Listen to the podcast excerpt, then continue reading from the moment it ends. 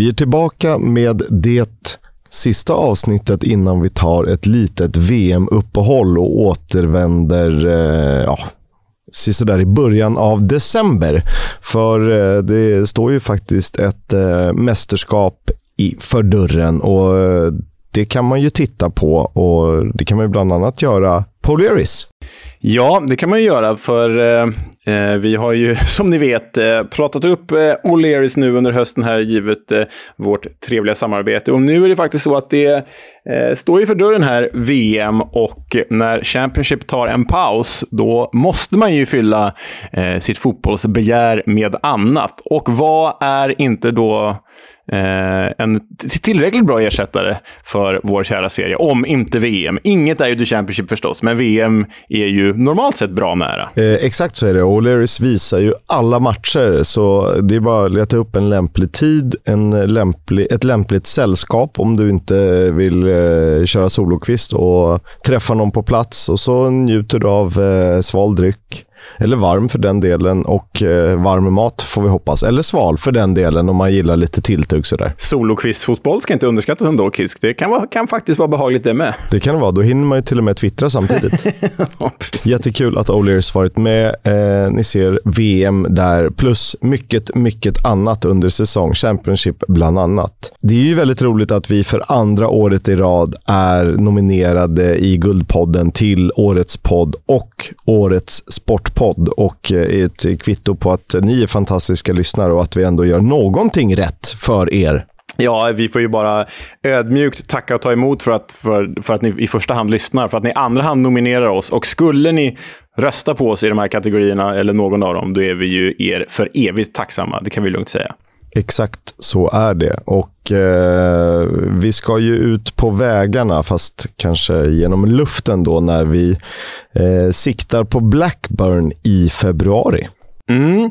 I samarbete med Nickes.com så styr vi vår kosa mot Ewood Park och Lancashire och hjärtat av den industriella revolutionen Blackburn.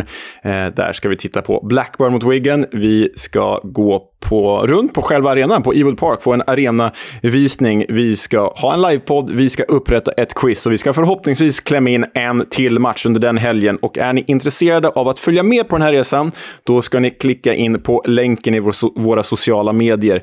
Eh, den styr er till nickes.com där ni får veta mer. Precis, så är det. Vi eh, kör igång.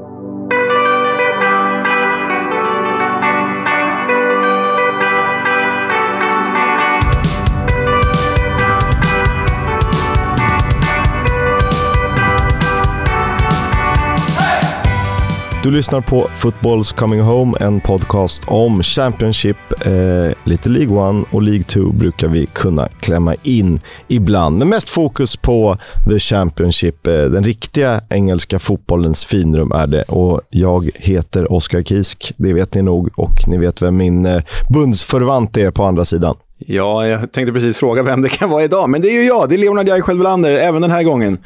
Vi ändrar inte ett vinnande koncept. Och eh, det blir ju ett litet VM-uppehåll, men eh, IFL har väl räknat med att Championship-spelarna ska kunna eh, vara färdigspelade där någonstans i, i början av december. Jag tror den första matchen spelas 10 december efter uppehållet. Ja, det, ja, precis. Det stämmer. Det kan ju bli jobbigt läge för vissa. Jag tänker på typ Reading som har, har väl typ två ghananska spelare i sin landslagstrupp i Andre Jadom och Baba Rahman, deras ytterbackar. Skulle Ghana gå till slutspel, då kan Reading få det jobbigt, för då har de inga ytterbackar helt plötsligt. Det en, kan vara en eh, tuff nöt att knäcka såklart. Vi ska ju gå igenom, tänkte vi, VM-spelarna eh, från IFL. De är väl 29 till antalet om, vi har, om våra källor har haft rätt. Det spelades ju en fredagsmatch och vi gillar våra fredagsmatcher, hur modern fotboll det än må vara. Men eh, trevligt för oss på andra sidan pölen att kunna njuta av lite eh, trevlig kvällsfotboll. Och I den här matchen så tog Birmingham emot Sunderland. Mm, och det, det, var en så här, eh, eh, jag såg den här matchen som jag vet att du också gjorde. Jag såg den på ett speciellt sätt för jag låg bredvid vår febersjuka son, ett och ett halvt år gammal, eh, och liksom långnattade honom hela kvällen lång. Så han liksom vaknade till och han somnade, han vaknade till och han somnade. Så jag såg den här i i väldigt svagt mobilljus i ett ytterst mörkt sovrum bredvid en febersjuk halvbebis. Eh, och det kanske, kanske påverkar min syn på den här matchen. Men, nej, men egentligen var det ju rätt trevlig underhållning det här faktiskt. Men, men det ska ju framförallt sägas att Sunderland eh, stod för en stark bortaviktoria. För de vann ju med 2-1, där framför allt Ellis Sims, är det seriens coolaste anfallare, stod för ledningsmålet. Ja, han ser ut som en gammal actionfigur nästan. Eh, han var ju tillbaka efter skada och fick stå alldeles för omarkerad när han kunde göra sitt första mål sen det, det lilla uppehållet för hans del. Då. Ja, jag måste bara återkomma att han är så jäkla cool. För er som inte har sett Ellie Sims, han är ju liksom en lång, gänglig targetanfallare. Han har ju ett, så här, en shaft-frisyr nästan, eller en shaft-frisyr på G. En 70-tals eh, afro-variant. Han är, och har enormt swag i sin stil, framförallt när han firar sina mål. Så kolla in Ellie Sims, för det, han är svincool alltså. Och här gjorde han ju då mål innan eh, Sunderland kunde utöka till 2-0 genom Manchester United-lånet Ahmad Diallo. Och det är en jäkla delikatess, Kisk. Ja, det är jättesnyggt. Eh, tar emot bollen med fart ut på kanten, viker in och sen eh, curlar den i bortre. Och nu får man lite känslan never fall in love with a lone player när det kommer till Sunderland eftersom både Ellie Sims eh, och Ahmad Diallo eh, inte tillhör klubben webben. Eh, så de ska ju ersättas förr eller senare. Ja, det är ju... Sånt där är ju väldigt problematiskt, framförallt om det är spelare som, som sen kommer försvinna direkt. Som, eller Sims skulle ju kunna vara kvar kanske någon säsong till, men Amadiallo, fortsätter han så här så är, spelar han ju inte på den här nivån nästa år. Så är det ju. Så nej, där har du en given poäng, Kisk. Birmingham reducerade genom Lukas Jutkiewicz eh, på många sätt Ahmad Diallos totala motsatt, motsatta part.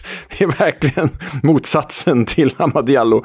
Men hans första mål på 44 framträdanden, och det, det kändes konstigt när jag läste det, för det kändes som att han gjorde mål förra säsongen. Och det måste han ju, han ju kanske ha gjort ändå.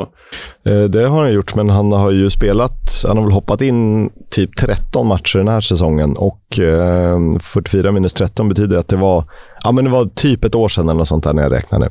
Och de har en rätt skön anfallstrojka med Dini, Hogan och Jutkiewicz. Eh, finns det rutin där? Det finns ju ingen tyngre rent kilomässigt i världen i alla fall. Nej, det gör det inte. Eh, Hogan dock ganska snabb ändå, trots sin storlek. Eller sin vikt. Eh, över 90 minuter så var det här nog ändå Birminghams match. Eh, Dini hade en eh, nick i ribban bland annat, men man kom inte närmare än ett reduceringsmål och eh, Sunderland fick eh, jubla högst tre poäng på St. Andrews. Ja, det är starkt. Det är oerhört starkt. Vi går vidare till lördagen där Bristol City och Watford spelade 0-0. Ja, det här var ju en beklämmande tråkig match. Man tänker på pappret att, Bristol City-Watford ska vara en färgsprakande tillställning, men vi vet ju att det här höstens Bristol City är inte det vi har vant oss vid. Och det här Watford var ju dessutom ett Watford som hade Joao Pedro och Ismail Azar på bänken. Eh, så det blev ju 0-0 eh, och Robins hemmalag Bristol City hade 2-0 i skott på mål. Eh, så det var ju en fruktansvärt tråkig tillställning. Ja, det var det. Det fanns inte så mycket att rapportera om ganska få chanser överlag som ni då förstår ju med 2-0 i skott på mål. Femte raka utan seger för Bristol City och eh, Dan Gosling tvingades kliva av skadad för Watford.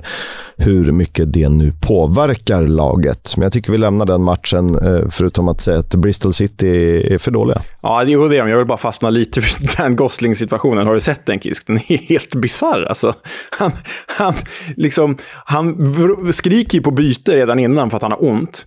Eh, men byts inte av. Och sen är det ju då hans, vad säger man, Achilles, alltså han sliter av sin Achilles. Vad är, vad är det? Hälsena ju. Eh, Exakt. Sliter av sin hälsena och är då så jävla förbannad på det medicinska teamet och på stab, Watford-staben. Så det enda han gör när han ligger där i smärtor och de liksom lägger upp honom på bårberg det är att han skäller ut dem hela vägen ut. Han är skitarg och bara skäller på dem. Liksom. så det är, väldigt, det är väldigt synd om den Gosling som sliter av sin hälsena. Det är ju inte skönt. Han är ju borta typ hela säsongen. Men, men det är en väldigt bisarr situation där de kommer och hjälper honom och han bara är förbannad. Fullt rimligt i och för sig att man inte blir... Man ska ju bli utbytt, eh, såklart. Eh, och Bristol City ser ju mer och mer ut som ett lag för den nedre halvan. Ja, tyvärr. Ska vi lansera nu under det här VM-uppehållet? Ska vi lansera sparka Nigel Pearson, rädda Bristol City?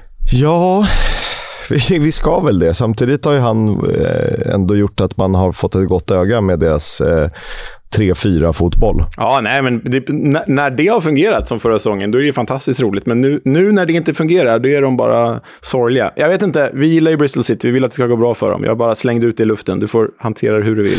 Eh, jag suger på karamellen, så ska vi lansera den efter VM. Men du, du, det är nog inte omöjligt att du får rätt, för det tränare gillar med att sparka Championship. Ja, det har vi, har vi märkt. Vi hoppar över floden Severn till Cardiff eh, i Wales som tog emot Sheffield United och det gick väl som man trodde. Ja, Sheffield United vann ju med matchens enda mål, men det ska ju sägas att det var ett inte särskilt bra Sheffield United här. Eh, dock med deras redan digra skadelista fick de ju addera till den Oliver McBurney, John Fleck och Anel Ahmedhodzic.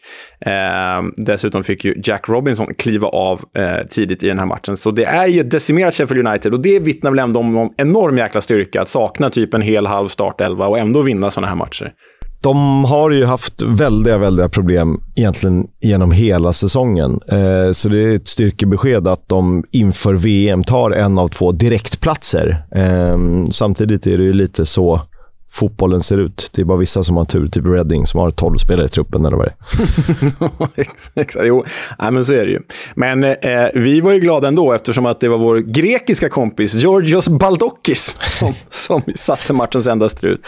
Ja, han får ju inte åka till VM, eh, för där är det inte i Grekland. Men det är ju så roligt att heta George Baldock och spela i grekiska landslaget. Ja, det, det här är ibland det bästa du har gjort, Kisk. Lansera Georgios Baldokis som smeknamn. Det, det uppskattas, kan jag meddela. Ja, och jag tycker jag kollade både statistik och höjdpunkter från den här matchen och jag tycker att de eh, går isär. Eh, för enligt statistiken så var Sheffield United dominanta, men det kändes ju som att eh, publiken gick och väntade på ett Cardiff-mål. Ja, Cardiff hade ju lägen. Alltså, eh, höjdpunkterna är ju en orgie i missade Cardiff-chanser. Callum Robinson har väl liksom två, tre riktigt bra lägen att näta. Gör inte det. Så mycket för den årets värvningen.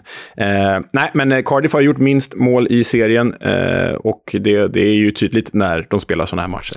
Ja, eh, de är ja, konstigt lag på något sätt. Jag tycker inte att de är så dåliga, men det är ganska många lag som man tycker borde ligga högre av olika anledningar. Eh, Å andra sidan är det ju eh, väldigt, väldigt jämnt där nere. Där vissa lag börjar ta poäng och andra har slutat att ta poäng. Eh, Cardiff ligger eh, mitt emellan. I mitten av den nedre regionen kan man väl kalla det. Mm, och eh, det är väl där någonstans de hamnar till slut. Men de får ju ändå vara lite försiktiga. Kan, kan gå fort där nere. Det kan verkligen gå fort. Och eh, kometen eh, de senaste veckorna heter ju Coventry City. Eh, förvisso ett formsvagt QPR, men ändå. Och det handlade ju som så ofta förr om Victor Gyökeres. Ja, men alltså att Coventry som låg dead buried last liksom för bara några veckor sedan besegrar dåvarande serieledaren, alltså för ett par veckor sedan var de ju serieledare, det är de inte längre, men QPR med 2-0 med sån här enkelhet, för det var ju enkelhet. Coventry var ju mycket bättre och borde gjort mer mål, för Gyökeres gjorde två, borde väl ha gjort tre i alla fall. Och Coventry kanske själva... fyra. Ja, kanske fyra. Jag skulle säga det precis, att Coventry själva skulle kanske gjort fyra, så det var ju en överkörning här. Och vilken resa Coventry har gjort. Ja, helt otroligt. Från jumbo och de... Jag kollade på det här. De har ju två matcher mindre spelade än sina lokalkonkurrenter i tabellen. Då alltså. Eh, så skulle de vinna en av dem, ja då är de ju på playoffplats. Helt sjukt. Ja. Ja, de är väl bara två poäng ifrån nu, alltså två matcher mindre spelare. Det är, är helt sjukt. Vad är det? Det är fyra raka segrar nu, va? jag tror att de tagit typ så 21 av de 27 senaste poängen. Det, det, ja, det är ytterst imponerande. Ja, superstarkt. Och Det första målet är ju sånt här som sker typ på Fifa, där bollen ska bara in. Man kan ha en dålig dag eller bra dag och det trocklas och den studsar och det är motlägg. Men eh, Gyökeres pangar in den via ribban och eh, det får väl ändå kallas välförtjänt. Ja, nej, men, nej, absolut. Eh, och eh, jag vet inte det här med Gyökeres. Det är väldigt kul. Vad är han nu? Är han i delad skytteligaledning eller ligger han strax? Ja, delad skytteligaledning. Kommit smygande ändå, för vi har inte pratat så mycket om honom egentligen. Inte så mycket som vi borde kanske. Eh, delad skytteligaledning, men jag tänker att det är bra för Coventry att, att eh, Sverige inte spelar VM. För hade Sverige spelat VM och Gyökeres knoppat in ett som inhoppare eller något, då hade, ju, hade han säkert gått till en Premier League-klubb redan i januari. Nu, nu är inte det helt säkert, även om det finns rykten. Eh, nej, men, intressant situation kring honom, för han... Vi vet ju att han förhandlade med Everton. Eh, det blev ju ingenting av det. Eh, ni som följer oss har ju koll på det. Eh, men det finns ju intressen för honom eh, runt om i landet i divisioner ovanför Championship. Sen får vi se hur aktuellt det blir i januari, eller om det kanske är man vill vänta genom en halv säsong till och eh, låta dem utvecklas ytterligare och se att han håller över en hel säsong. Mm, ja, det är äh, riktigt spännande spelare, riktigt spännande läge. Kul för oss om han stannar i Coventry säsongen ut i alla fall. Såklart. Eh, Mark Robbins, tränare i Coventry, ansåg att, han, att det här var den bästa insatsen för säsongen. Till och med en av de bästa med Coventry överhuvudtaget. Och det säger rätt mycket. Ja, med tanke på att Mark Robbins har plöjt dem upp genom divisionerna så har han ju sett ett och annat eh, med det här gänget. Så det är ju ett stora ord.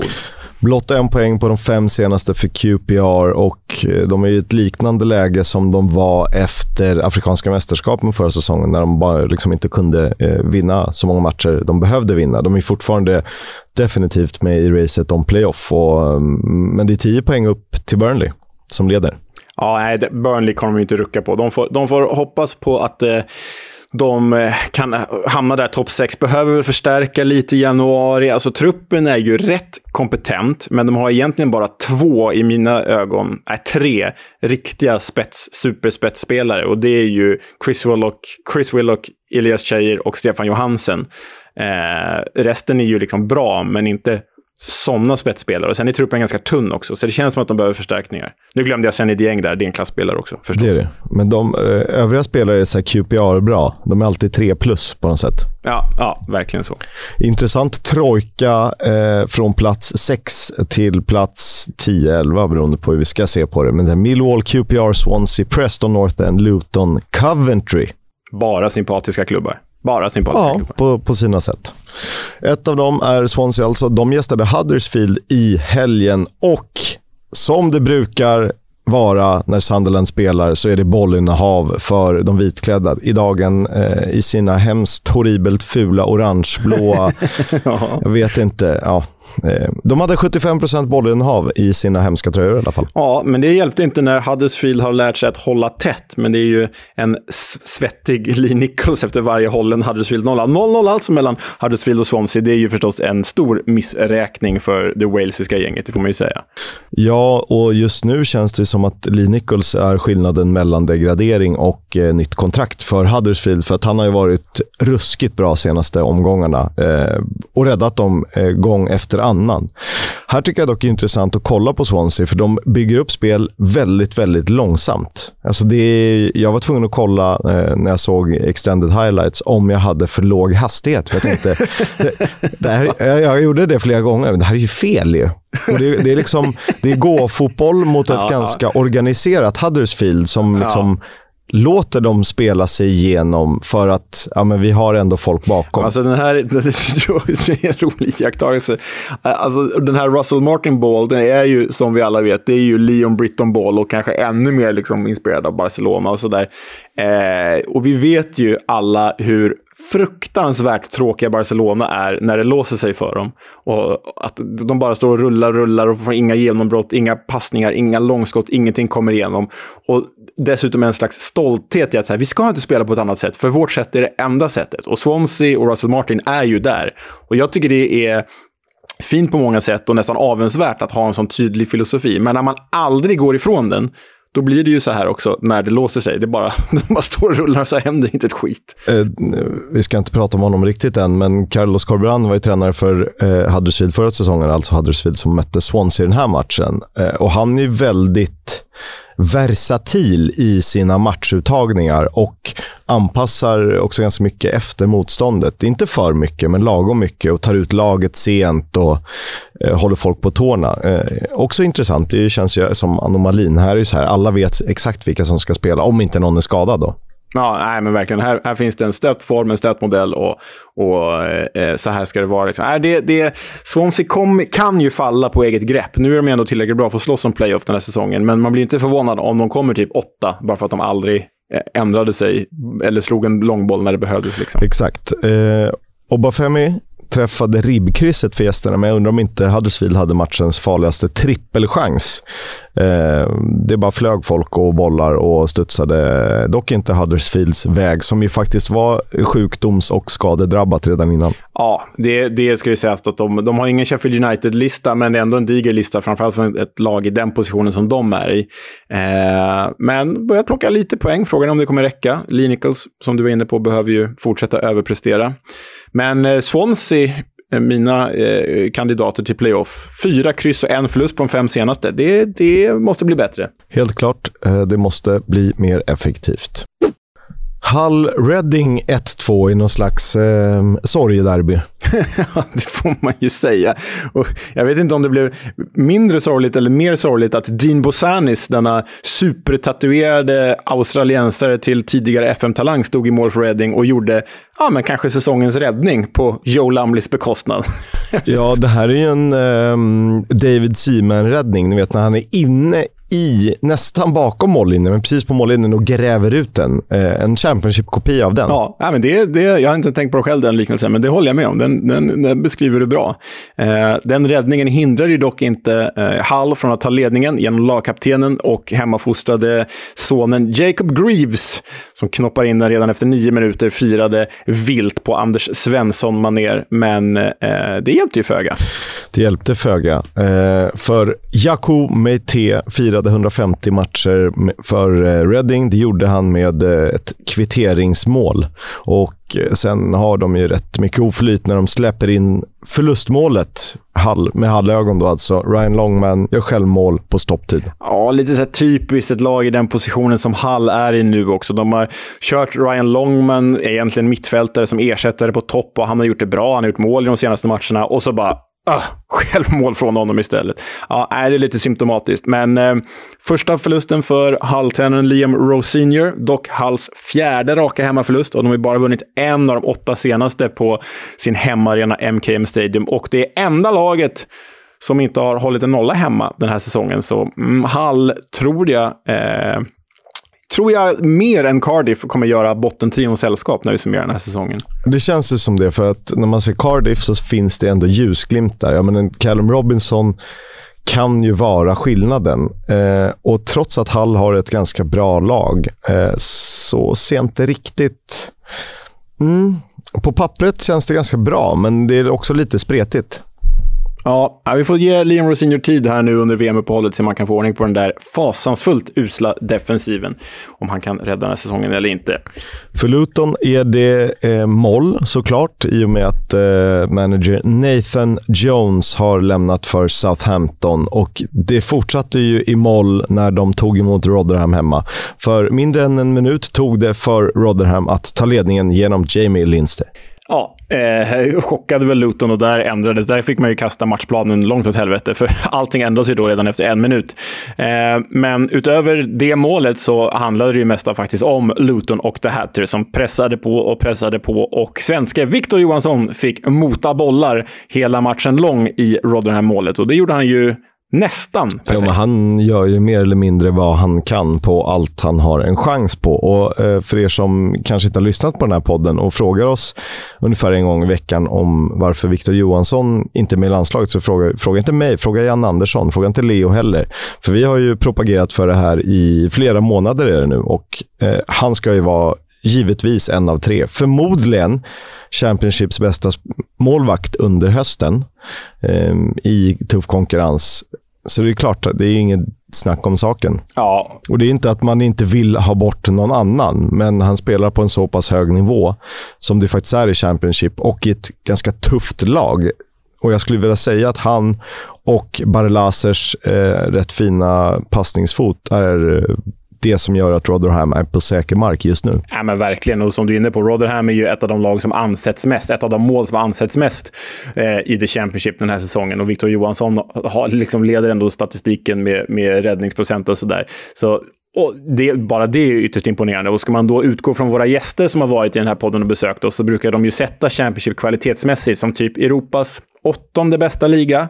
Alltså det är bättre än typ holländska ligan då. Så att Victor Johansson är den bästa målvakten i Europas åttonde bästa liga, det borde ju förära en landslagsplats. Så här är det ju faktiskt. Han har högst räddningsprocent i hela Championship och han har fått ta emot flest skott av alla. Ja, det, är, ja, men det är ju 113 shots on target, att jämföra med Lee Nichols, som också är hårt ansatt. Han har 93, han har så 20 skott fler. Ja, ja men det, det är bara... Den där landslagsplatsen, absolut inte första platsen, men landslag, en plats i landslagsgruppen ska vara hans. På vems bekostnad skit i, han ska vara med. Ja, annars kanske han gräver fram i passet och så blir det någon eh, eh Victorios Johannadis i, i Grekland. Precis. Han och Baldokis. Ja, det är stort. Men du, Luton kvitterade ju den här festen. Ja, och eh, det kunde ju inte Victor Johansson göra någonting på, för det var ett skott som styrdes in. Det var ganska mycket flyt, eh, rätt oturligt för Victor Johansson, men blev ju otagbart. Sen hade ju Alfie Dowdy en, en chans eh, på stopptid också, men eh, det blev inga tre poäng till Luton på Kenilworth Road. Du, det blev inte heller tre poäng för Norwich hemma på Carrow Road. Nej, och detta trots att de då tog ledningen tidigt genom Josh Sargent, denna eh, VM-spelande amerikan, hemma mot Middlesbrough. De leder ju alltså över timmen lång med 1-0 hemma mot Middlesbrough, men jag lyssnade på Norwich podcast, Canarycast heter den, och där var de väldigt frustrerade över att Norwich, de tyckte själva att Norwich gjorde en väldigt bra första halvlek, men, eh, men eh, i andra halvlek så släppte de initiativet till Michael Carricks Middlesbrough som tog över helt och det var man väldigt besviken på med Norwich ögon och det innebar att Middlesbrough kunde vända den här matchen och vinna med 2-1. Ja, och en annan VM-spelare eh, australiensaren Riley McGree som ju faktiskt var nominerad till Puskas Award med sin eh, fantastiska klackspark eh, 2018. Han gör ju ett, inte riktigt lika snyggt, men ett väldigt, väldigt vackert mål. Det är halvvolley och han liksom på någon slags kampsportsmaner hoppsparkar den och lätt, lätt curlar den i krysset. Det är jätte, jättesnyggt fotbollsmål. Ja, det är ett otroligt, det är otroligt snyggt mål. Jag, jag tror att på engelska skulle man säga scissor kick, eller hur? Inte scissor kick när man ligger liksom i luften.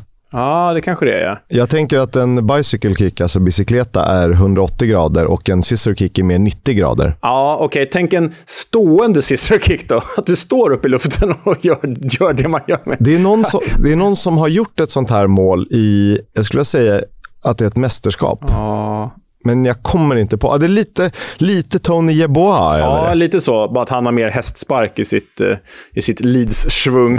jag vet. Han tar liksom tre älgkliv och sen bara smack. Och sen får de ju bygga om nätet på uh, Ellen Road. Uh, jättesnyggt mål till 1-1 och sen uh, min favorit, Matt Crooks, trycker in 1-2 på stopptid. Eh, framspelad, det var väl Chubak Pom.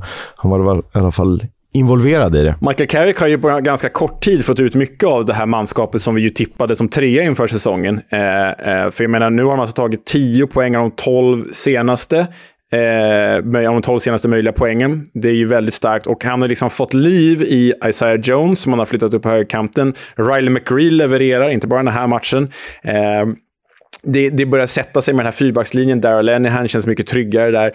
Zack Steffen är helt plötsligt en trygg målvakt. Alltså, Middlesbrough, jag ska inte säga att de blir förra säsongens Nottingham, som jag förvisso var tidigt på om jag får vara självgod eh, eh, förra säsongen. Men jag tror att Middlesbrough kan bli ett playoff-lag så som det har sett ut nu. Att de verkligen kan kliva i kapp här, för tabellen är så jämn. Ja, alltså de har fyra poäng upp till playoff. Ja, eh. wow, vad jag stack ut hakan där då. Leo med ett galet tips. Nej, men du gav ju en rätt intressant redogörelse för det här med bounce effekt. Mm. Och eh, man skulle ju kunna propagera för att eh, Middlesbrough under Michael Carrick, de har ju tagit 10 av 12 poäng på de fyra senaste. Och West Brom, som eh, finns med tre raka segrar under Carlos Corberan. Eh, där skulle vi kunna se en bounce-effekt. Nu blir det ju inte lika eh, lätt att peka på det i och med att det kommer ett uppehåll. Så att det kan ju rucka om, rucka om förutsättningarna. Ja, det kan, du, det kan du göra. Men grejen med bounce-effekt är att den skulle vara i sex matcher. Va? Och då har, exakt. Ja, och exakt. Och Koberan har spelat fyra, vunnit tre, förlorat en. Så det är ju verkligen inne på en bounce-effekt. Och Carrick har väl tränat fem matcher va? Och, och tagit 10 poäng på 5. Ja, det är ju, båda, båda är verkligen inne i bounce-effekt. En positiv bounce-effekt, definitivt. Ja, det här handlar om att hålla det över tid. Och för, jag tror att för en sån som Carlos Corberan kommer det här uppehållet eh, rätt lägligt ändå. För nu kan ju han nöta och nöta och nöta och åter nöta och få ihop den här gruppen. Mm, ja, och det gäller ju egentligen Carrick i, i Middlesbrough också. Um, så vi, vi, ska verkligen inte räkna bort uh, Middlesbrough eller, eller West Brom under de här nya ledningarna. Vi var ju lite tveksamma till Corberan på, på en, en sån här liksom räddningsplanka-manér, men det verkar gå bra hittills. Så, uh, jag blir faktiskt inte förvånad om Middlesbrough och, och, eller West Brom hamnar på playoffplatser när, när vi summerar säsongen. Faktiskt inte. Det blir väl West Brom och Swansea som slåss om åttondeplatsen. Ja, precis. Eh, Norwich, eh, för att avsluta den matchen, är ju nio poäng bakom serieledning och det var väl inte det man hade tänkt gå med till landslagsuppehållet, VM-uppehållet. Nej, det är för dåligt. Vi ska traska vidare till helgens stora målkavalkad. Eh, kanske den bästa matchen, det beror på vilket läger du frågar. Preston North End hemma mot Millwall. Och det blev ju en jäkla föreställning. 2-4, där... Eh, ja, det är väl bara att gå rätt på den, den karamellen. Sian Flemings hattrick för Millwall är ju ja, men out of this world. Vilka mål han gör, Kisk. Alltså, det, det, det, första målet hur han liksom håller undan sin försvarare och liksom vänder bort honom. Det, som, det som är så konstigt med Sean Fleming är att han är en offensiv mittfältare. Har ju liksom alla kvaliteter pass, passningsmässigt som krävs för det. Ett skott som, ja, men jag vet inte, som Tony Jeboa som vi nämnde alldeles nyss. Men han är ju en han är inte urtypen för en offensiv mittfältare, för han är inte liten. Det är en stor, stadig pjäs där. Fan lång och fyrkantig och mycket muskler. Alltså, det, det, jag tänkte på det när jag såg highlighten igår, att han liksom dansar förbi Preston-spelarna trots att han är dubbelt så stor som dem. Det, han är 1,93. Ja, du ser. Det är en väldigt ovanlig offensiv mittfältarpjäs här.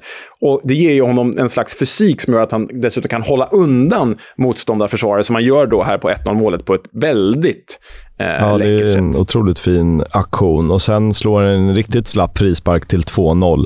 Som är, man ser inte om den riktigt går under muren eller om man skjuter liksom lågt eh, mellan mur och närmsta spelare som ska stå i vägen.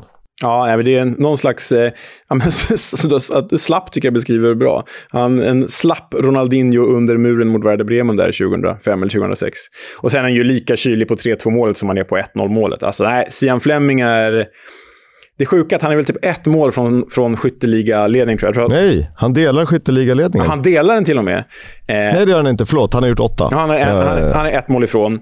Och han, kom ihåg att den här säsongen började ju sista veckan i juli. Sian Fleming kom inte in i det här och blev inte ordinarie och började inte leverera förrän i september. Och ändå ligger han ett mål från skytteligaledning och gjort ett par assist också. Det här kommer att bli årets värvning, no doubt. Ja, det är jag nog beredd att hålla med om eh, redan nu. Eh, om man ens hinner spela klart säsongen. För det här är ju en kille man skulle kunna snappa upp eh, hyfsat prisvärt om man är ett Premier League-lag i behov av kreativ kraft framåt. Ja, men verkligen. Och han skulle ju gå in i... Vi skojar ju inte när vi säger att han skulle gå in i definitivt botten fem-lagen utan problem i Premier League. Ja, det, ja, det skulle han absolut göra. Absolut. Eh, PNI tappade ju i och med det här platsen som försvarsstarkast i ligan. Eh, de ligger nia med 18-20 målskillnad. Det är bara Jävla konstig serie det här.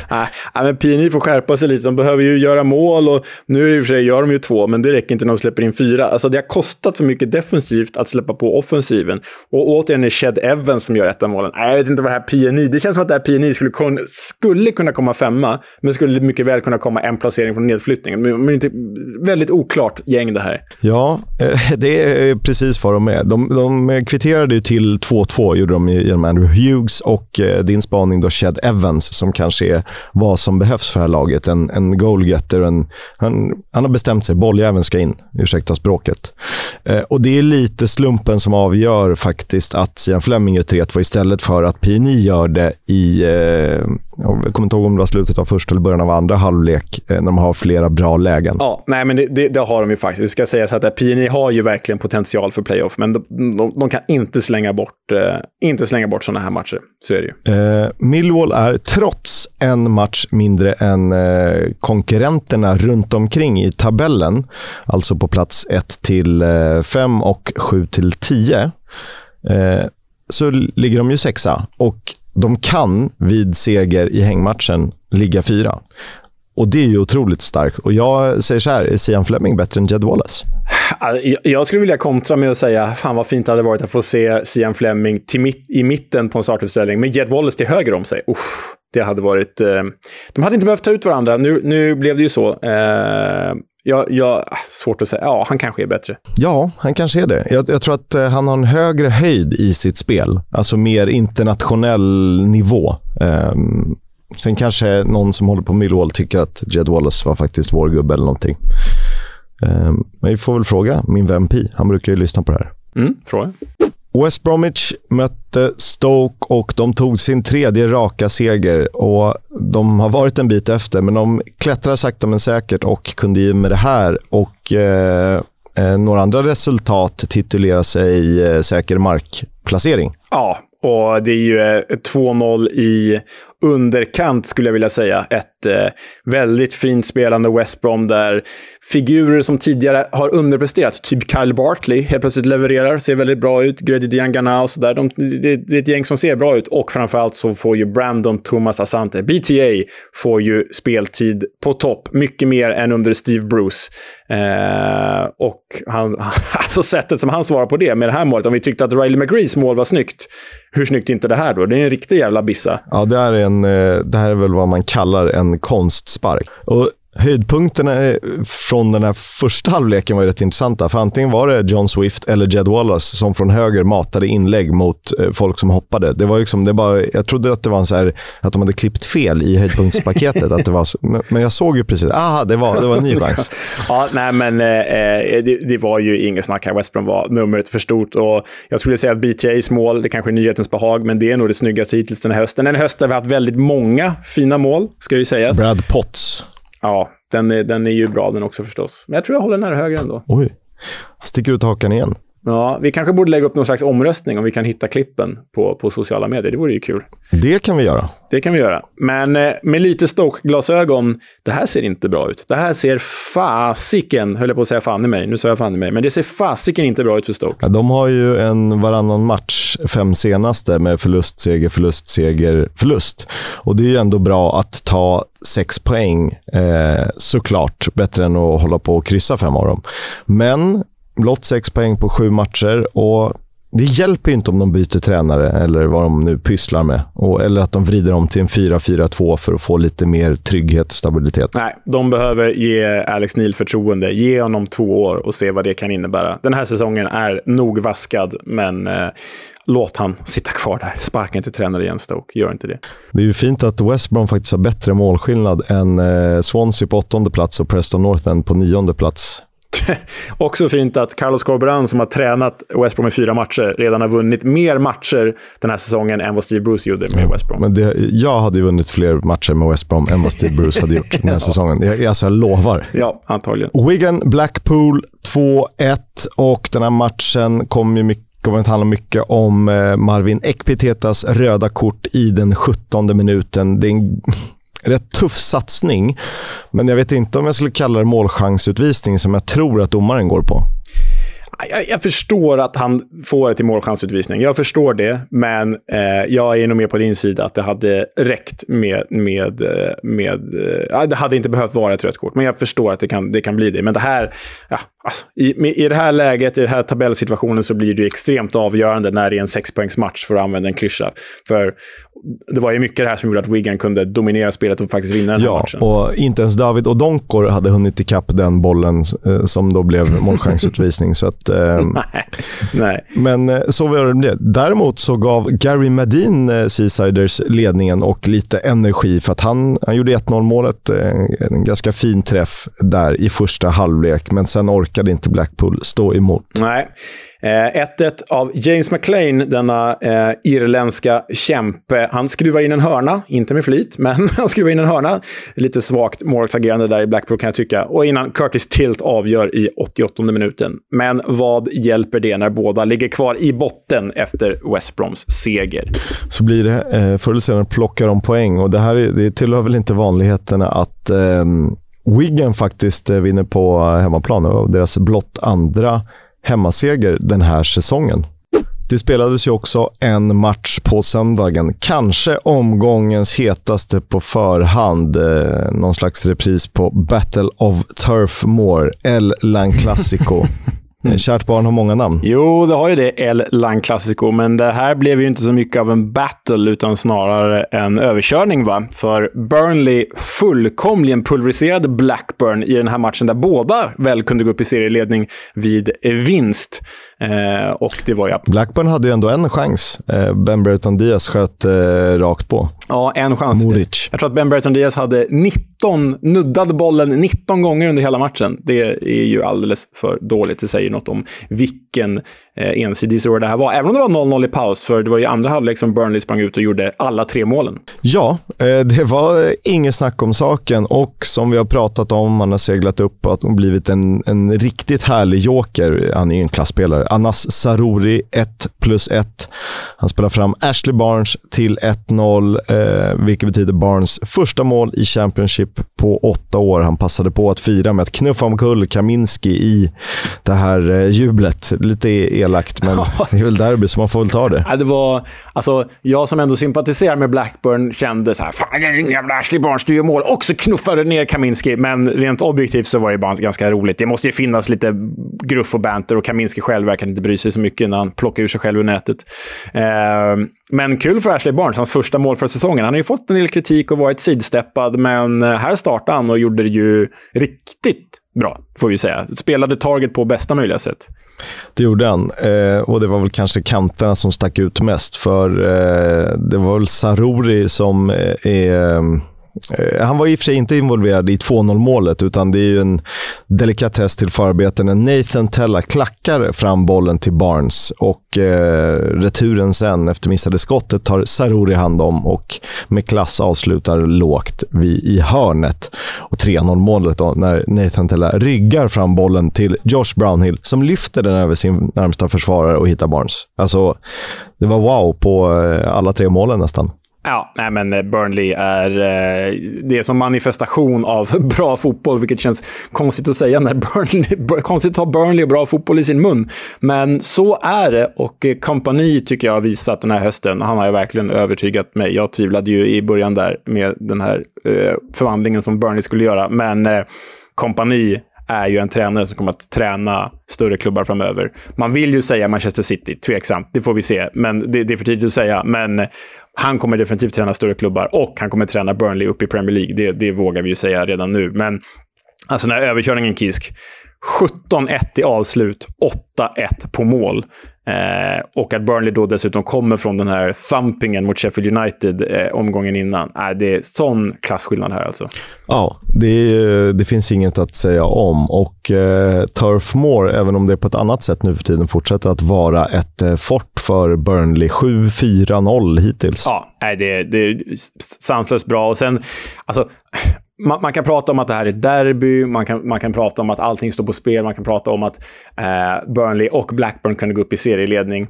Men i ärlighetens namn, sett till förutsättningar, och nu jag vill bara trycka på det igen, Burnley är inte en sån eh, Premier League-nykomling, alltså nykomling från Premier League, som har liksom bara tagit sina fallskärmspengar och köpt ett helt nytt lag. Visst, de har ett helt nytt lag, men de har ju faktiskt sålt spelare för att kunna köpa spelare.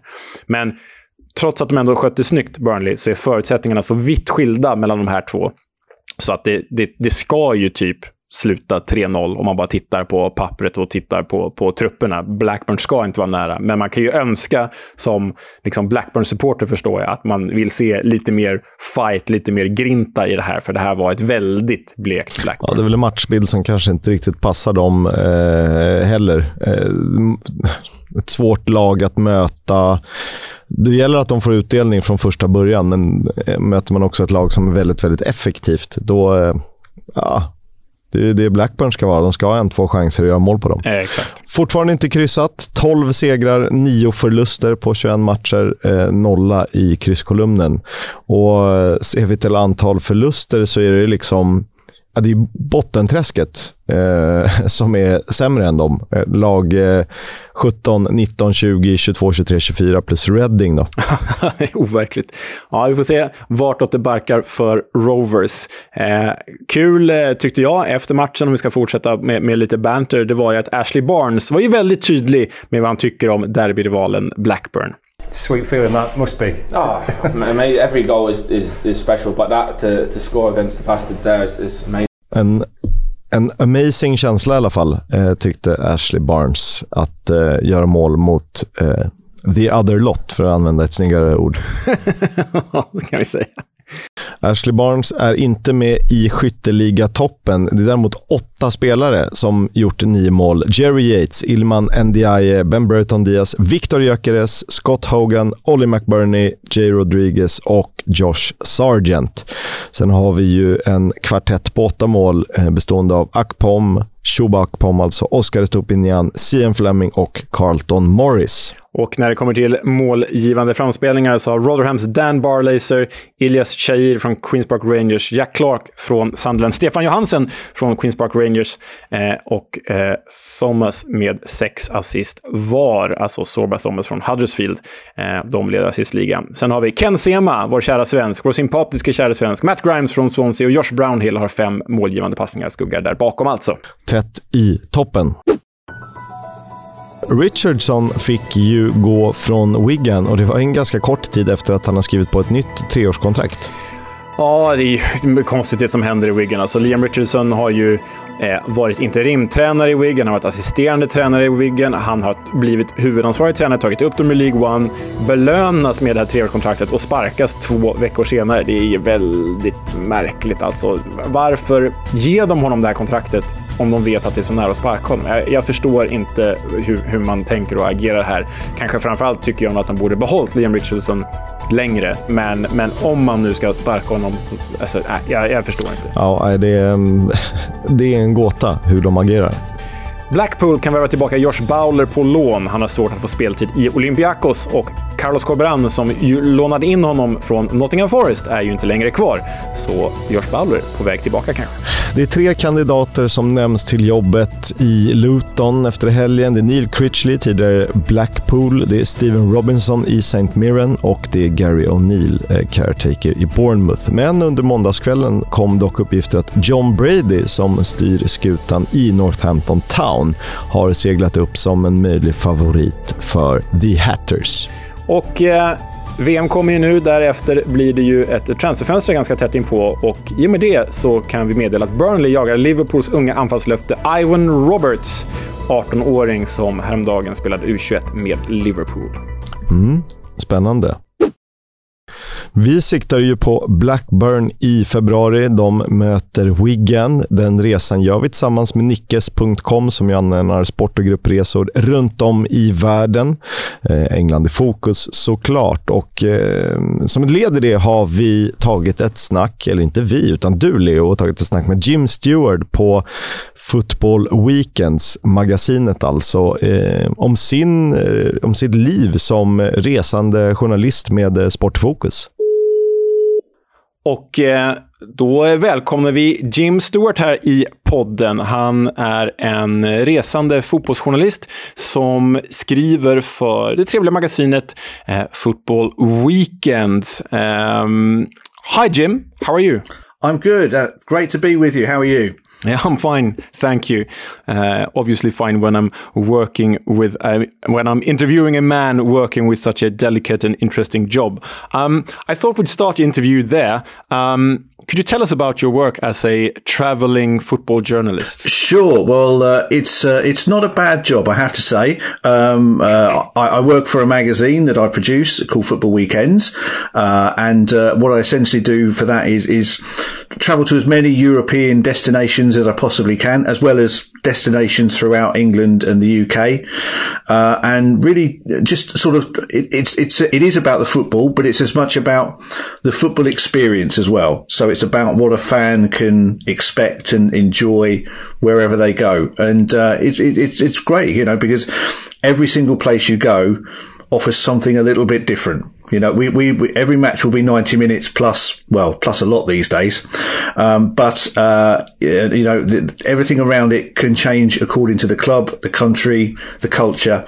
And that's very much what I spend, you know, a, a, a nice amount of time doing. Um, can you tell us about your magazine, Football Weekends? How long have you been producing that magazine?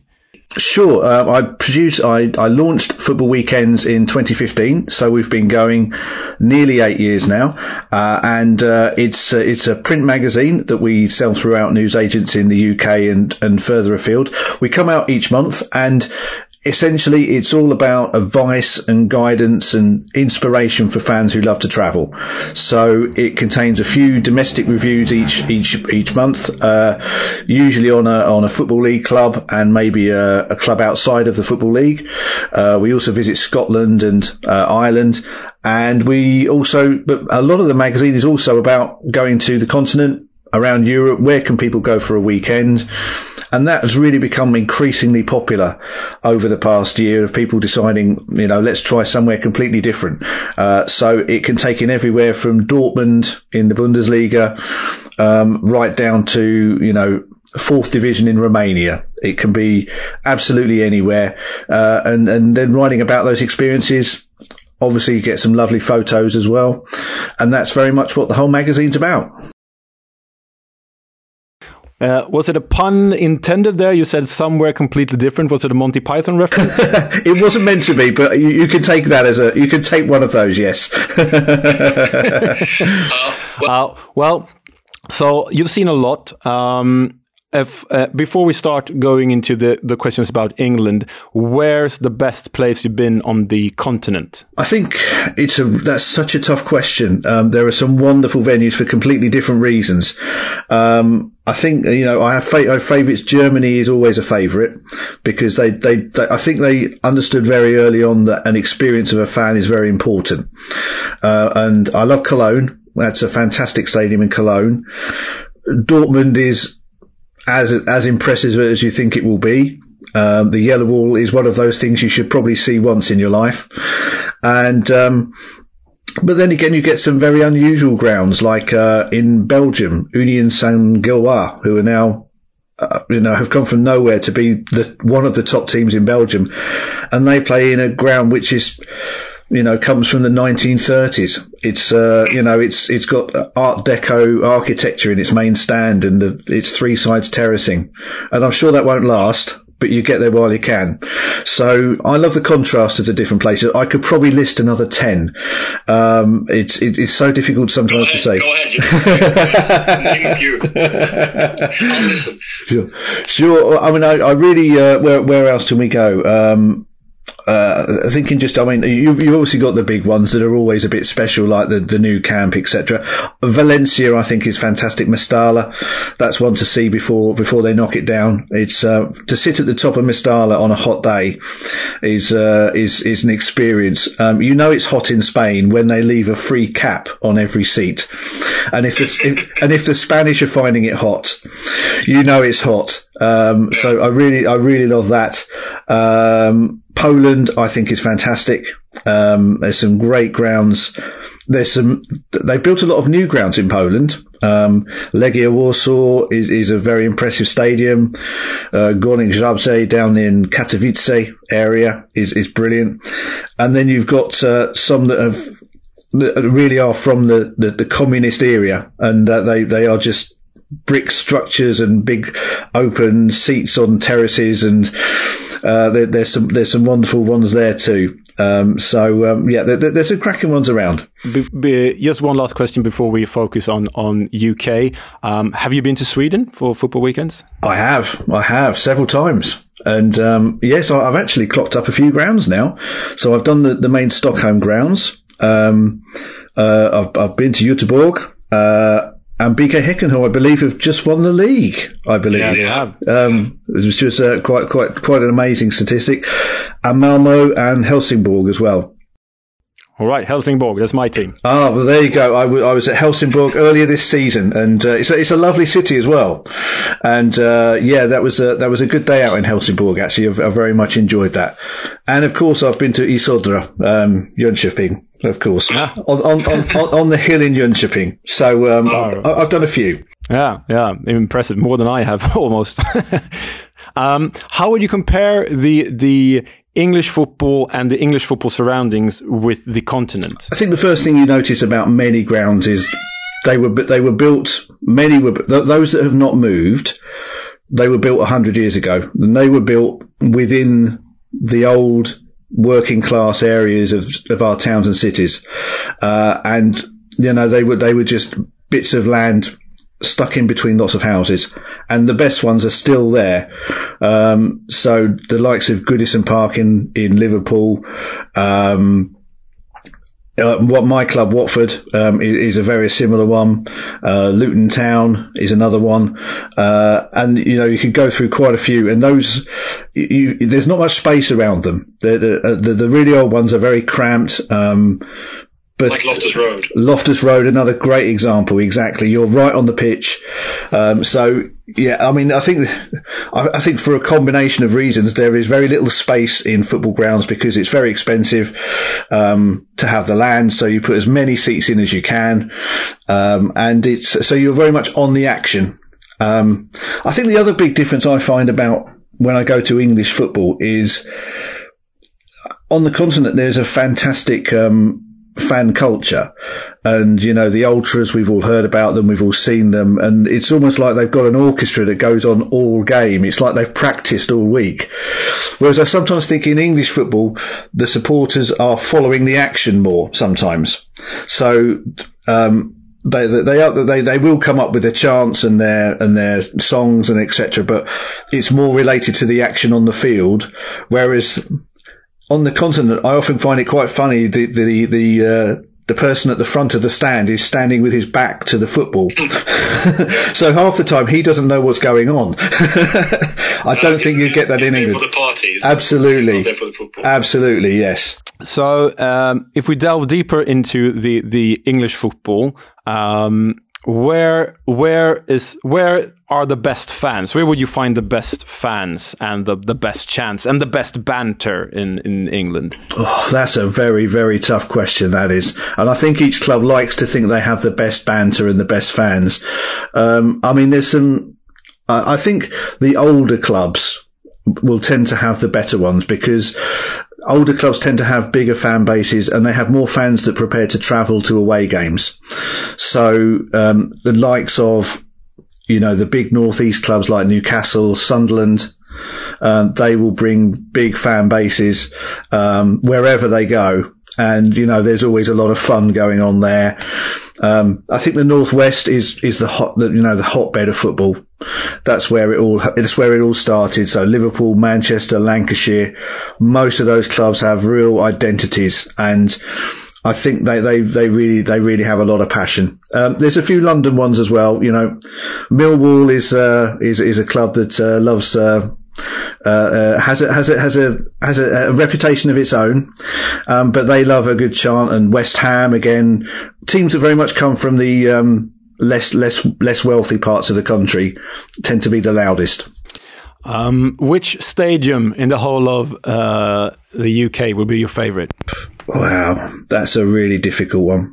That is a really difficult one. Obviously, if I have to put my own club aside, so th- otherwise I would be biased.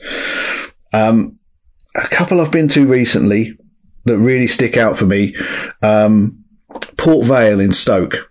It's a really atmospheric ground. It's half old, half new.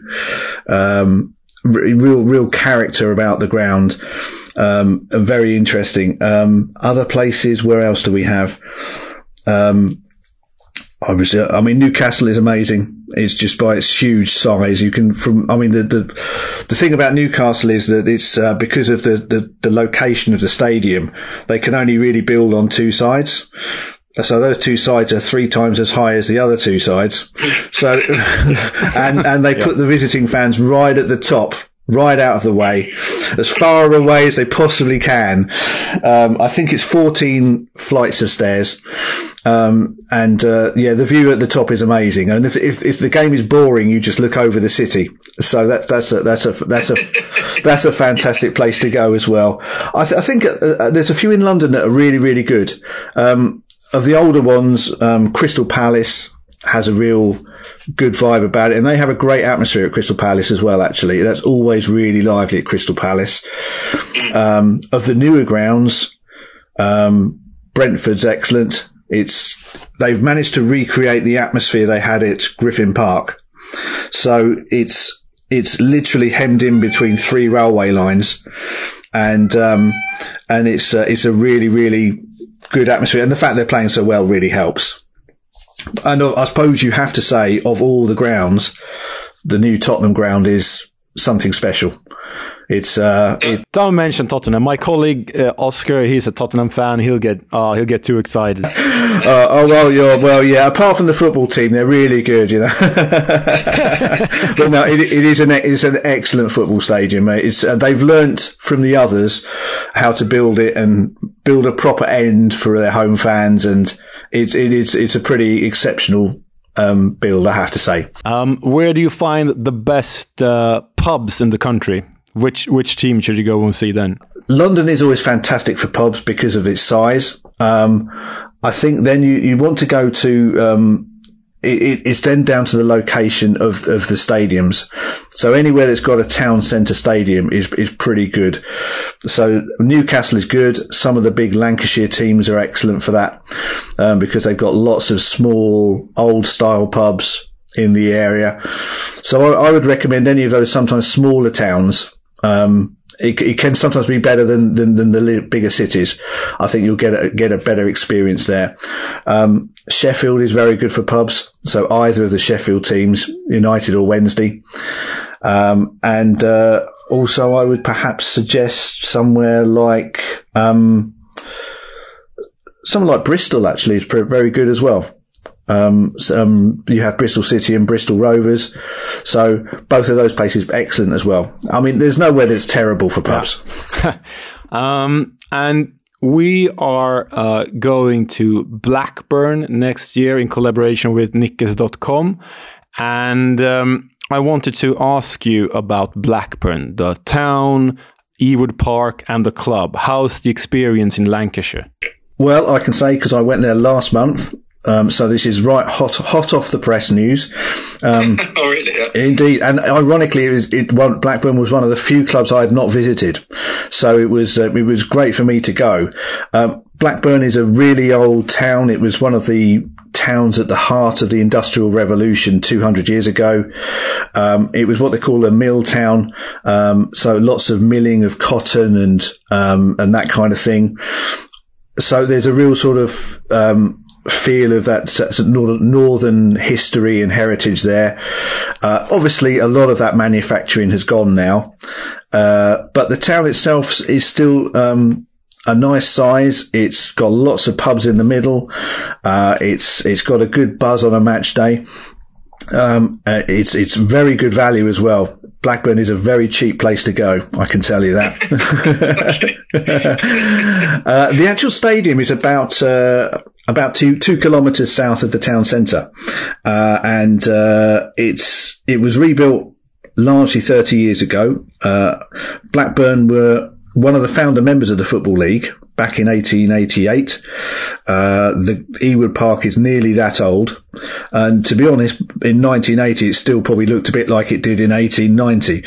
Um, but it was pretty basic. Um, but then they had a, a big local uh, businessman, Jack Walker, who sold his company and basically poured all his money into Blackburn Rovers. And they won the Premier League in 1990 five, six, five, yeah, five, yeah, uh, with Kenny Dalglish as manager and uh, Alan Shearer as their main striker.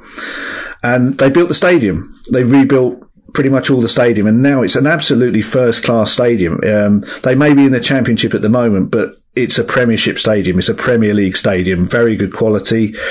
It holds thirty thousand, um, and it's it's just again, it's got that wonderful contrast of when you arrive towards the stadium. Um, there's a couple of pubs nearby that absolutely rammed on a match day.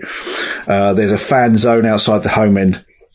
But uh, literally, there are lines of these old uh, 200 year old houses all lined around Ewood Park and just looming above it, um, you know, uh, sort of twice the height of this stadium, uh, and it's, it's, fantastic to see, uh, particularly under lights. It's it's brilliant, uh, and uh, so it, there's a real sort of mix of old and new in Blackburn, and, and their kit's very iconic as well. The, the blue and white half strip is, is a really old style kit. Uh, but when you get inside, it's, it's, it's a very modern atmosphere. It's it's very good, and they're having a fantastic time at the moment. Yeah, yeah, they do, and uh, we'll hope they'll be as good even after New Year's. Um, well, um, thank you, Jim. Uh, I'm even more excited now to go to Blackburn than before, but obviously, I mean, I wrote the book about football crests a couple of years ago, and my absolute favorite crest in the whole world is Blackburn Rovers. So, well. I'm easily excited. it's a very old style, isn't it? It's got a beautiful colours and beautiful style, hasn't it? And, yeah. a, and a Latin phrase in it, I believe. Well, thank you Jim. I appreciate it. Kul att eh, Jim gillar Blackburn och Ewood Park som resmål. Vi ser väldigt mycket fram emot det. Och sen är det ju roligt att han nämner Tottenham Hotspur Stadium som en favorit. Det är en fantastisk fotbollsarena, men den kommer aldrig att kunna mäta sig med White Hart Lane. Det är, mm, så enkelt är det. Möjligtvis nostalgiskt, men White Hart Lane var ju faktiskt en riktig fotbollsarena. Och eh, det här är någonting annat. Eh, värt att se om man har tid över, men eh, jag saknar den gamla bunkern. Jo, man vill ha, han var inne på det också, det här med de gamla arenorna när liksom husväggarna ligger nästan på, på husväggarna utanför nästan ligger på gräsmattan som Loftus Road eller som Craven Cottage. Eller det nämner han inte ens, Craven Cottage. borde jag blivit förbannad på honom för. Men, men eh, ja, eh, det ska bli spännande att åka till Blackburn. De verkar ju ha det så också om eh, Jim Stewart har rätt i sin återberättelse. Eh, som en liten bonus i veckans avsnitt tycker jag att vi tar ut säsongens lag hittills. Eh, det har ju gått 21 omgångar och sen får vi väl säga vem som varit bäst på sin position eh, respektive målvakt, försvarare, mittfältare och anfallare. Så vi börjar längst bak. Mm, där är ju Viktor Johansson. Nu kan man ju tro att vi är partiska här, men i eh, eh, målvaktspositionen, och du har ju redan redogjort för det så fint Kisk, högst räddningsprocent och motat, trots att han då har motat flest skott också i hela serien. Championships bästa målvakt halva säsongens lag är alltså Victor Johansson, Bajaren. Sen kan man väl nämna då Freddie Woodman och John Ruddy som några utmanare, men enligt siffrorna är Victor Johansson eh, bäst i serien. Ja, och en svensk ättling även eh, som bästa försvarare. Om vi drar fyrbackslinjen som vi har fått det till eh, Asaya Jones till höger, eh, Jordan Story som en av två mittbackar och Swanseas Ryan Manning till vänster så är det ju så att Anel Ahmedhodzic, som numera representerar Bosnien i fotbollssammanhang, tyvärr, eh, han är bästa försvararen. Både framåt och bakåt egentligen. Ja, det skriver vi väl under på. Siffrorna ljuger verkligen inte här. Det, det, det skriver väl både du och jag under på. Han, han är ju kanske eh, höstens spelare. Kanske. Ja, han kanske, han kanske är det. Eh, utropstecken om inte annat. Det är ett fint ord man kan använda. Verkligen. Vi går väl vidare till mittfältet och jag eh, vägrade att inte ha med Oliver Norwood som ju också är en kandidat till säsongens spelare hittills, tycker jag. Eh, ensam i någon slags sittande mittfältsposition med tre stycken eh, offensiva krafter framför sig. Jack Clark till vänster, Joao Pedro till höger, Josh Brownhill som offensiv mittfältare. Håller du med? Ja, alltså... Eh, eh jag... Eh, Ja, jag håller med om Josh Brownhill. Sen skulle jag bara vilja säga att det finns så många härliga alternativ här. Du har ju skrivit några längre ner i, i, i, i, i listan som reservalternativ, men typ Matt Grimes jag är väldigt svag för i Swansea, Dan Barlaser i, i Rotherham. Och om vi tittar på kanterna så, du vet, Stian Fleming, Ilias Cheir, kanske Ja, men nu har ju de... Chris Willock innan skadad. Precis, eller eh, nu har ju de spelat lite för kort. Man kommer inte igång så sent, men jag är rätt övertygad om att åtminstone en av Manuel Benson, eller Benson Manuel. Men en av Benson Manuel och Anna Saruri kommer vara med i årets lag när vi sammanfattar säsongen. Så jag menar, man skulle kunna argumentera för att någon av, någon av dem skulle vara med redan nu på kanterna. Absolut, men eh, ser man till lite underliggande siffror så är det ju Joao Pedro eh, som ligger högst nästan av alla. Det är väl han och Oliver Norwood som slåss om dem. Ja, ja. Och eh, han är ju ruskigt bra. Bara 21. Det känns ju som han skulle kunna vara 28 och ha spelat i England i 10 år. Exakt. Eh, jag tyckte det var svårt att välja anfallspar. Eh, jag tycker en av anfallarna är given. Jag tycker Oliver McBurney. Sett till hur långt han gick utan att göra mål, sett till han har tagit det till sig och liksom stött bort det och sen bara är den livsfarliga killen i boxen. Eh, efterträdaren till Billy Sharp på något sätt i Blades. Så eh, i mitt tycke kanske den bästa renodlade anfallaren. Och då, I och med att vi har tvåmananfall så är han liksom då mer en nummer nio-roll. Ja, men jag håller med. och Han har ju en extra krydda i att han är så här, han ser inte ut som en fotbollsspelare. Han är lång som satan, han är tunn som en pinne. Han är så här riktigt fult, eh, vad ska man säga, riktigt fult tonårsskägg nästan. Du vet, så här, det är för tunt och spretigt skägg. Och så, det, liksom, det, det, finns ett skägg där, men det växer inte på alla ställen. Plus att han är en jäkla profil som firar med fansen och är stökig så där. Så bara, bara på de meriterna skulle han kunna vara med i en sån här höstens elva. Eh, och sen har du satt upp Jay Rodriguez bredvid och det går inte att argumentera mot, även om det vore kul att ha med en Victor Gyökeres, eller Ilman Ndiaye, eller Scotty Hogan kanske till och med. Det jag tycker är att Burnley har varit så bra sedan start. Eh, Coventry har kommit igång på sistone, med, och detsamma gäller Gyökeres. Det har ju gått lite hand i hand. Så jag tror om han skulle fortsätta, om det skulle fortsätta se ut så här eh, efter nio år, eh, då skulle vi nog kunna omvärdera. Men Burnley måste också ha fler spelare med med tanke på hur bra hela laget har varit. Och Då får man göra sina val. Vi har ju en Jerry Yates också som har imponerat. Ben Brereton Diaz är ju alltid bra och superviktig för Blackburn.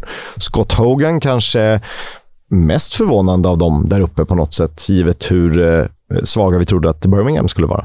Ja, men verkligen. Och sen så en sån som Josh Sargent som var superblek i Premier League har ju verkligen varit ja, men Norwich bästa spelare den, den här eh, hösten och är ju där uppe i skytteligatoppen också. Så det, det finns många bra namn att välja på rent offensivt, så är det ju. Carlton Morris, en Will Keane som bär Wigan på något sätt.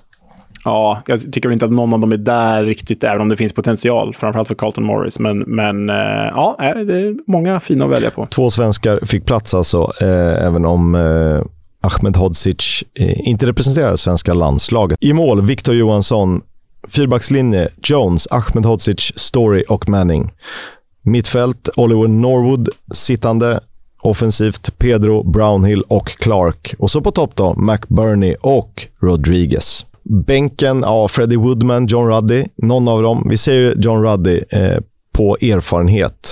Sen Taylor Harwood Bellis, Burnley, förtjänar ett omnämnande. Liksom Robbie Brady, som går att använda längs hela vänsterkanten. Eh, vi kan väl inte bestämma oss, men det får väl bli, bli Matt Grimes då. Eh, så att vi inte gör någon besviken.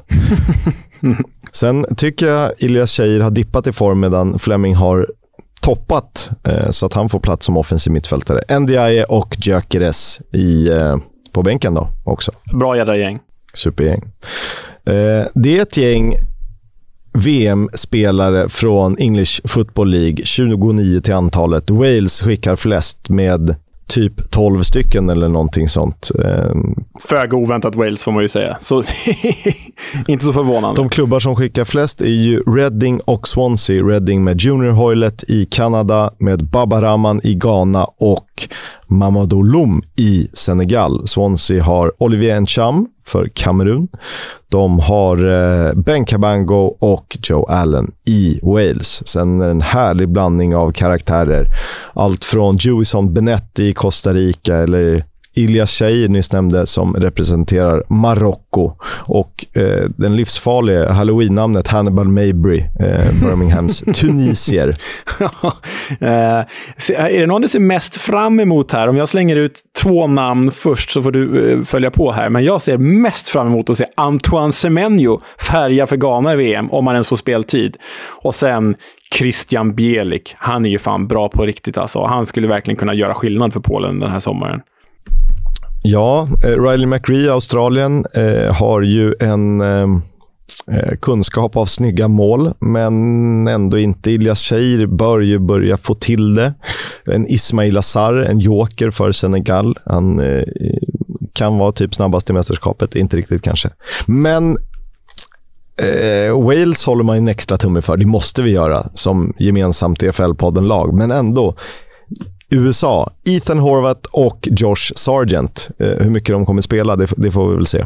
Ja, men Josh Sargent eh, kliver in som ordinarie om jag har förstått, förstått det rätt. Ethan Horvath är väl en understudy till Zach Steffen, tror jag, i mål. Men, men eh, eh, nej, Zach Steffen blir inte ens uttagen. Nej. Nej. Vem fan kommer stå i USA? Exakt. Ja, ja. Då kan, kanske han står. Ja, men eh, vi får se då. Spännande. Vi, eh, det finns saker att hålla koll på i VM ändå, om man är som vi IFL-galna. We'll have a chat about the fucking game. About your game, last few months, last few weeks. Fucking character. Ja, han drog igen. Ja, han eh, gjorde ju det. Nathan Jones lämnade ju Luton för en andra gång väl. Och det här klippet är egentligen inte från senaste veckan, det är från förr, alltså omgången innan, när Stoke och Luton mötte varandra eh, i Stoke-on-Trent. Och det var ju nämligen så att första gången då Lutons tränare Nathan Jones eh, lämnade The Hatters, då gick han ju till Stoke. Och jag var faktiskt på hans eh, första match där. Då slog, de slog Leeds med 2-1, tror jag, och Pontus Jansson blev utvisad för Leeds. Eh, men det gick åt helvete för Nathan Jones då, så han återvände till Luton. Men då passade ju Stoke-fansen nu på att eh, håna sin gamla fiaskotränare och Lutons hjälte. Och då lät det så här.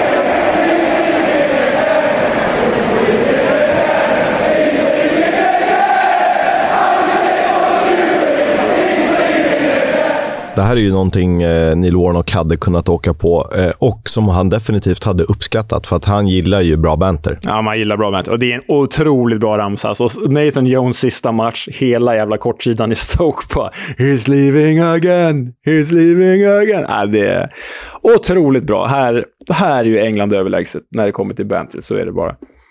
Det var det för idag. Vi är väl tillbaka om sådär tre veckor. Jag skulle gissa på eh, någonstans runt 6, 7, 8 december. Det beror på lite. Eh, Leo går in i en VM-bubbla och eh, jag gör lite annat. Men första matchen spelas lördagen den 10 december i Championship och eh, den ska vi givetvis prata upp. Så, eh, så är det. Det blir kul. Jag kommer sakna dig, Kisk. Jag pratar ju mer med dig än min familj, höll jag på att säga. Ehm, I alla fall om man räknar in alla våra eh, chattar och sådär som har med podden att göra. Eh, men det är bara tre veckor, så don't fret. Vi, vi kommer ses och höras igen. Eh, hörni, håll ut. Eh, vi hörs. Upptäckta vägar, de han tar.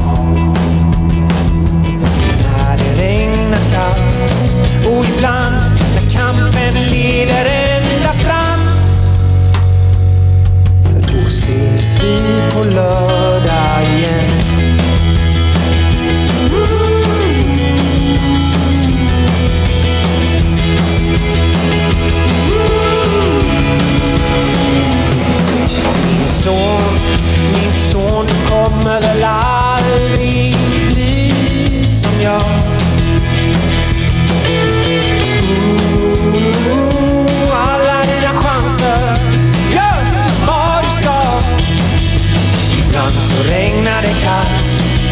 slut leder kampen